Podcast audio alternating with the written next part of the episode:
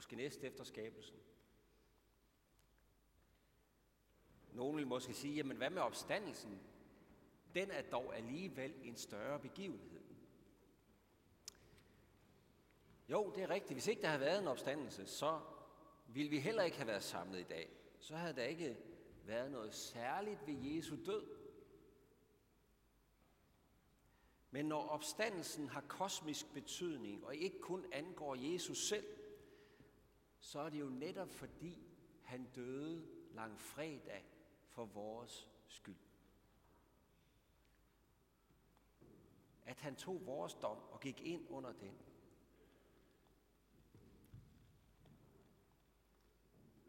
Det var os, han døde for langfredag. Og derfor er det os, der opstår med ham på opstandelsens dag.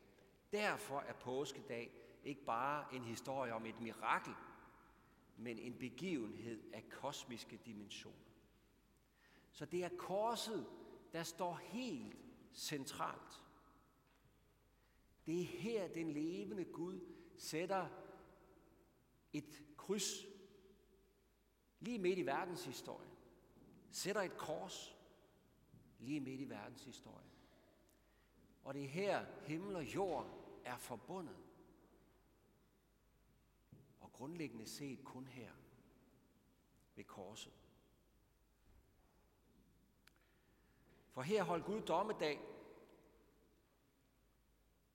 Ikke over os, en frafalden og gudsfjendtlig menneskehed, men over sig selv.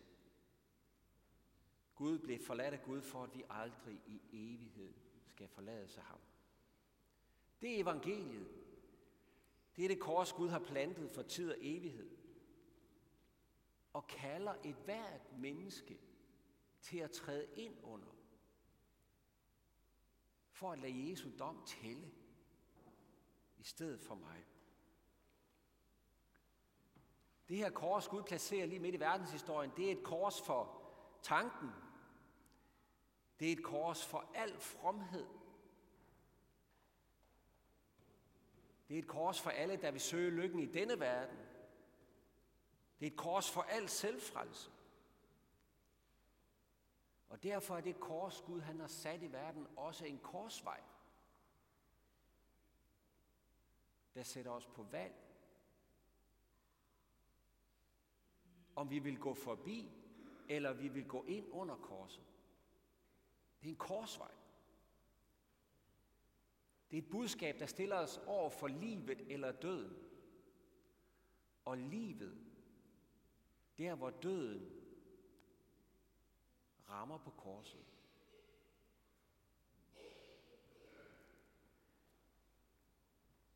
Da jeg var soldat, det er ved at være nogle år siden, der var vi på skydeøvelse.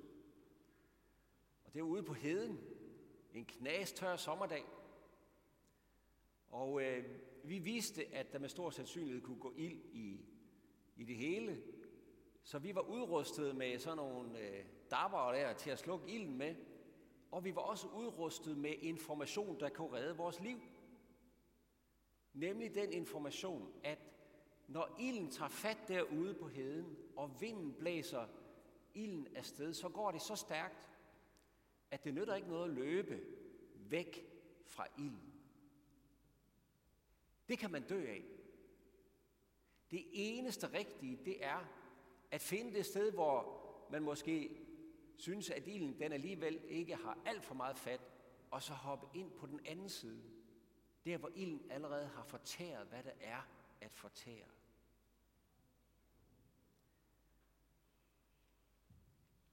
Det er invitationen, vi får. Dommedag har ramt et sted allerede og fortæret, hvad der er at fortære. Guds vrede har ramt. Der er et helle, som vi ikke skal løbe væk fra for at redde livet. Vi skal søge ind mod det sted, hvor døden har ramt.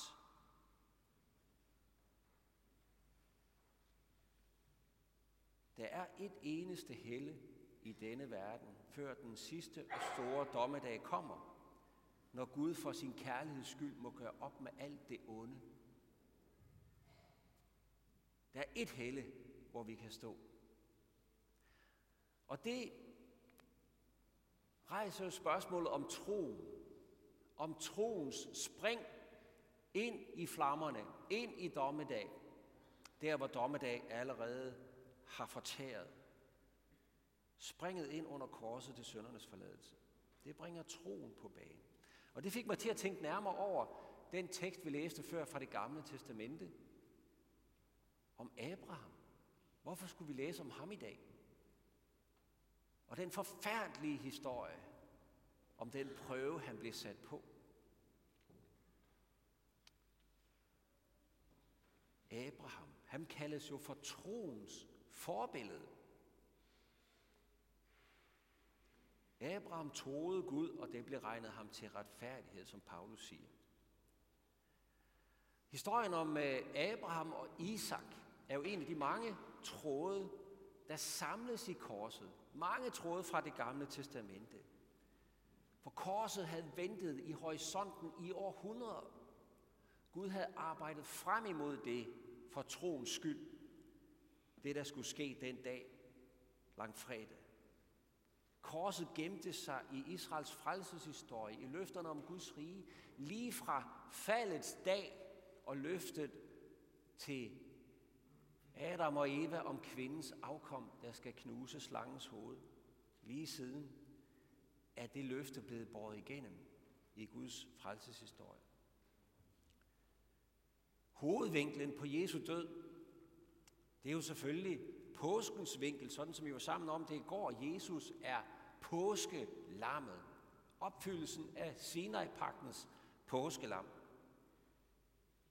Men bag påskelammet og bag Sinai-pagten, der lå Abrahams pagten. Og bag den Noah-pagten og bag den Adams pagt. Alt sammen peger frem på Jesus. Alle trådene. Og også den her beretning om Abraham og Isak. Og vi forstår vel umiddelbart, hvordan dele af den er med til at kaste lys på, på Jesus og hans offerdød. Gud havde lovet Abraham en søn. Ved ham skulle Abraham få efterkommere, og hele verden skulle velsignes gennem det afkom. Og fra det nye testamente forstår vi, at Jesus i virkeligheden er løftets enige søn. Jesus er Abrahams afkom. Paulus siger det i Galaterbrevet kapitel 3, hvad Abraham angår, blev løfterne givet til ham og til hans afkom. Det hedder ikke og til dine afkom i flertal, men i ental. Og til dit afkom. Og det er Kristus. Så Kristus er i virkeligheden den, i hvem alle folkeslagene skal velsignes. Han er Abrahams afkom, der blev ofre. Sådan blev den offring af Isak, der ikke blev til noget af Abrahams søn der, et billede på Jesus, Guds søn, hvor offret blev gennemført. Eller man kan måske sige det sådan, at sætningen til Isak, som Abraham i sin fortvivlelse siger til ham, at Gud selv vil udse sig et offerlam, det fik sin endelige opfyldelse i Jesus Kristus. Han blev det offerlam, som vi sang det før, påskelammet. Det stedfortrædende lam, der dør for at Abraham kan bevare sit afkom. Sådan er det flettet sammen.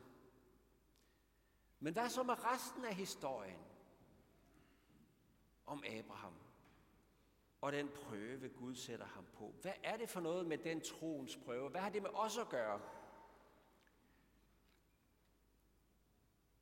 Hvordan kan vi gå til den side af historien, at Isak skal ofres? Hvordan berører den også vores tro? Hvordan er Abraham et forbillede for os? Det er jo en umulig prøve. Du skal ofre det løfte, Gud har givet dig. Den søn, han har givet dig. På Moria bjerg. Ham du elsker. Din eneste søn. Det er jo en fuldstændig umulig test. Og hvordan kan Gud dog gøre det? Hvad er det, der er på spil i den tekst? Og måske tænker jeg, at vi fokuserer lidt forkert, når vi læser den historie. Måske skal vi prøve at se hele historien og hele sammenhængen, for at forstå lidt om, hvad det kan sige til os.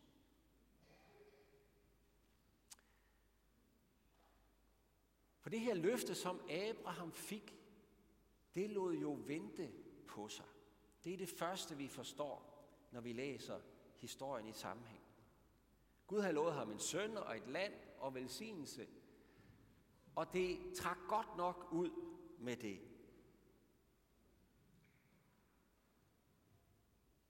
Abraham gik ud på Guds ord. Han forlod sin slægt, sin familie. Han kom til et fremmed land, men der skete ligesom ikke mere. Der kom ikke nogen søn. Og landet, ja, det boede han i som fremmed. Og derfor begyndte en anden historie at dukke op hos Abraham. Ikke troens historie, men selvfrelsens historie. Abraham begynder at prøve at finde måder, han selv kan hjælpe Gud på, så løfterne kan blive opfyldt. Han finder på egne løsninger, snydeløsninger i Ægypten og andre steder. Og på et tidspunkt siger han, Gud herre, hvad kan du give mig, når jeg må gå barnløs bort, og min træl Eliezer skal være min arving? Du har ikke givet mig afkom. Så må jeg jo skaffe en til. Eliezer skal være min arving. Gud gentager så sit løfte. Jamen, jeg vil give dig en søn, og jeg vil give dig landet til evig arv og eje.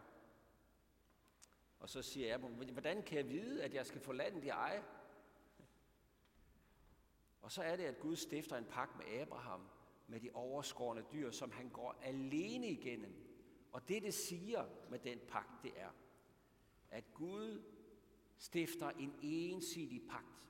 Og det bliver over mit liv. Jeg kommer til at blive som disse døde dyr, hvis denne pagt bliver brudt. En ensidig pagt. Det bliver over mit liv, hvis ikke jeg holder mit løfte. Det bliver over mit liv, hvis ikke du holder dit løfte, Abraham.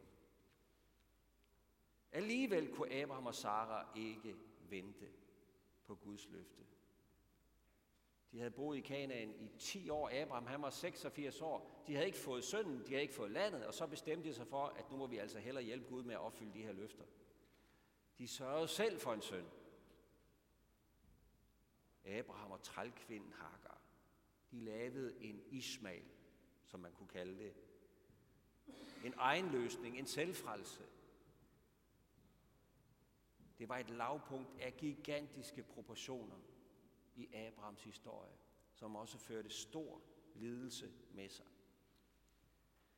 Da Abraham så var blevet 99 år gammel, 24 år efter han gik ud fra landet Ur i Kaldæa, gentog Gud sit løfte og sagde, om et år skal du have en søn. Nu er der tid på. Tidshorisont. Hvad gjorde Abraham så? Der står, han kastede sig ned og lå. Og så sagde han til Gud, måtte Ismael leve for dit ansigt. Jeg har jo skaffet en søn selv, for du kunne jo ikke finde ud af det, Gud. Men Gud sagde, nej, din kone Sara skal føde dig en søn, og du skal give ham navnet Isak. Og Isak, Yitzhak, det betyder, han lå. Så selve det navn, løftet søn fik, ville hele tiden minde Abraham om sin egen manglende tro, sin egen vantro, sit eget forsøg på selv at opfylde de løfter, Gud havde givet. Og sådan er der mange pinlige historier, også efter Isaks fødsel. Abraham, Abraham vil gå udenom Guds vej, gå en anden vej. Han vil ikke gå ind og vente på den vej, Gud har stukket ud.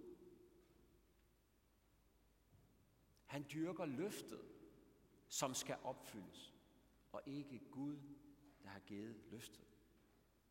Det er konteksten om Isaks offer. Og det er det, der ligger i den prøve, Gud sætter ham ind i. Tag din eneste søn, ham du elsker, og bring ham som brandoffer. Gå ind i dommen, ind i ilden over din vantro.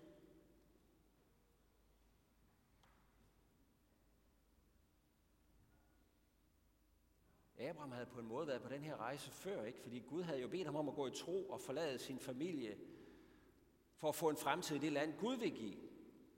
Men nu beder Gud ham om at ofre den fremtid, Gud havde lovet. Giv slip på den. Giv slip på løftets søn. Det har godt nok været tunge skridt. Men Abraham protesterer ikke.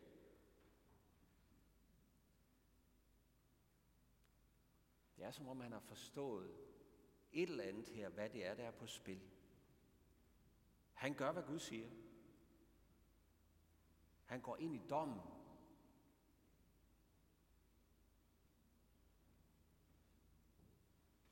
Vi ved, det var en prøve. Abraham vidste ikke. Han havde kun Guds ed og Guds løfte, Guds pakslutning at holde sig til. At Gud er god. Og han siger det. Så nu går jeg. Det er først, da englen griber ind, at Abraham forstår, at det er en test. Nu ved jeg, at du ikke frygter Gud, og end ikke vil nægte mig din eneste søn. Og så blev det sådan, som Abraham måske havde håbet, som han sagde til Isak, Gud vil selv udse sig et offerlam. Hvad bliver så pointen i den historie?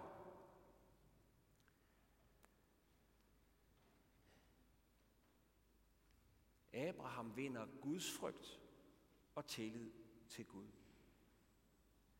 Det kommer frem i den måde, Abraham benævner navnet på, på det bjerg, hvor han skulle ofre Isak. Han sagde ikke, at nu skal bjerget hedde Abrahams store tro. Bjerget skulle hedde noget helt andet. Det skulle hedde Herren ser. Herren ser. Det skal hedde bjerget, hvor Gud viser sig. Bjerget for Guds forsyn. Gud ser, hvad vi har brug for. Gud ser vores behov, vores mangel på tro, vores behov for et stedfortrædende offer. Moria-bjerget bliver bjerget, hvor det bliver over hans eget liv, at vi har brudt Guds pagt, at vi ville frelse os selv. Bjerget, hvor Gud viser, at han er garanten for sit eget løfte selvom vi lå.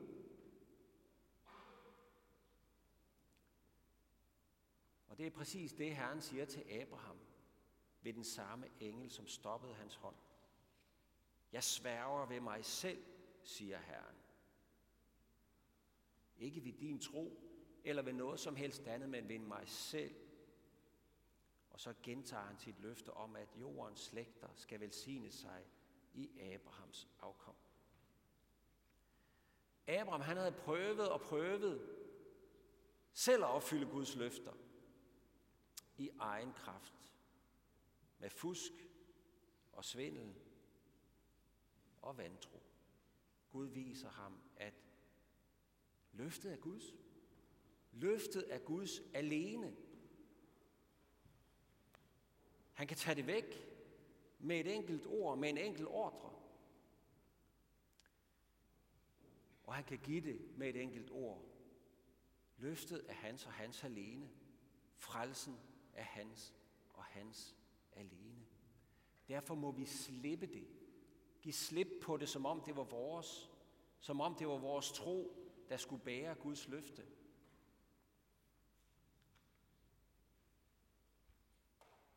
Abrahams test blev på en måde Guds test af sig selv over for Abraham. Guds løfte står fast. Det var jo det, der blev udgangen. Det Gud har lovet, det vil han føre igennem. Om det så skal koste ham selv livet, han sværger ved sig selv. Abraham kunne ikke gennemføre løftet. Men ved Moria bjerg, der viser Gud Abraham, at han kan ikke lade være med at gennemføre sit eget løfte. Så sandt som han er Gud, vil han gennemføre det. Og med det nye testamenters briller på, så gav Gud sin enborne søn, den elskede. Det blev over hans lige, at vi brød pakten. Sådan bliver Abraham en troens forbillede for os. Gud krævede tro af Abraham. En tro, der blev regnet ham til retfærdighed. Men hvad for en tro var det? Det var den tro, han måtte ofre. Troen på selvfrelsen, på selv at kunne tilegne sig Guds løfter. Og i processen fik han den tro, der blev spurgt efter. Den tro, der er tillid til, at når Gud har sagt det, så står det fast. Når han siger, jeg er hans, så står det fast. Gud stadfæstede sit løfte på bjerget. Det bjerg, hvor Gud viser sig og skaffer soning. Det bjerg, hvor templet kom til at stå. Det bjerg, hvor Guds enborne blev korsfæstet for sit folks skyld og for hedningernes skyld og for din og min skyld. Paulus siger, at det er som med Abraham. Han troede Gud, og det blev regnet ham til retfærdighed. Så skal I vide, at det er dem, der har troen, der er Abrahams sønner. Og da skriften foreså, at det er at tro Gud erklærer folkeslagene retfærdige, fik Abraham på forhånd det evangelium forkyndt. I dig skal alle folkeslagene velsignes. Derfor velsignes de, som har troen, sammen med den troende Abraham. Gælder det så også for dig og mig? Den korsvej, vi står foran ved Jesu kors, er vi troende nok? Er løftet om frelse ved Jesu kors nok for dig og mig? Tør vi stole på det? Er vi arvinger til løftet? Nu skal du høre, hvad Paulus siger. For I er alle Guds børn ved troen i Kristus Jesus. Alle I, der er døbt til Kristus, har jo iklædt jer Kristus. Her kommer det igen på at være jøde eller græker, træl eller fri, mand eller kvinde, for I er alle ét i Kristus Jesus. Og hører I Kristus til, er I også Abrahams afkom, arvinger i kraft af Guds løfte. Og om løfterne siger Paulus, alle Guds løfter har fået deres ja i ham. Derfor siger vi også ved ham, vort amen til Guds ære. Lad det være nok for dig. Lov og tak og evig ære være dig, vor Gud, Fader, Søn og Helligånd, du som var, er og bliver en sand treenig Gud, højlovet fra første begyndelse, nu og i al evighed.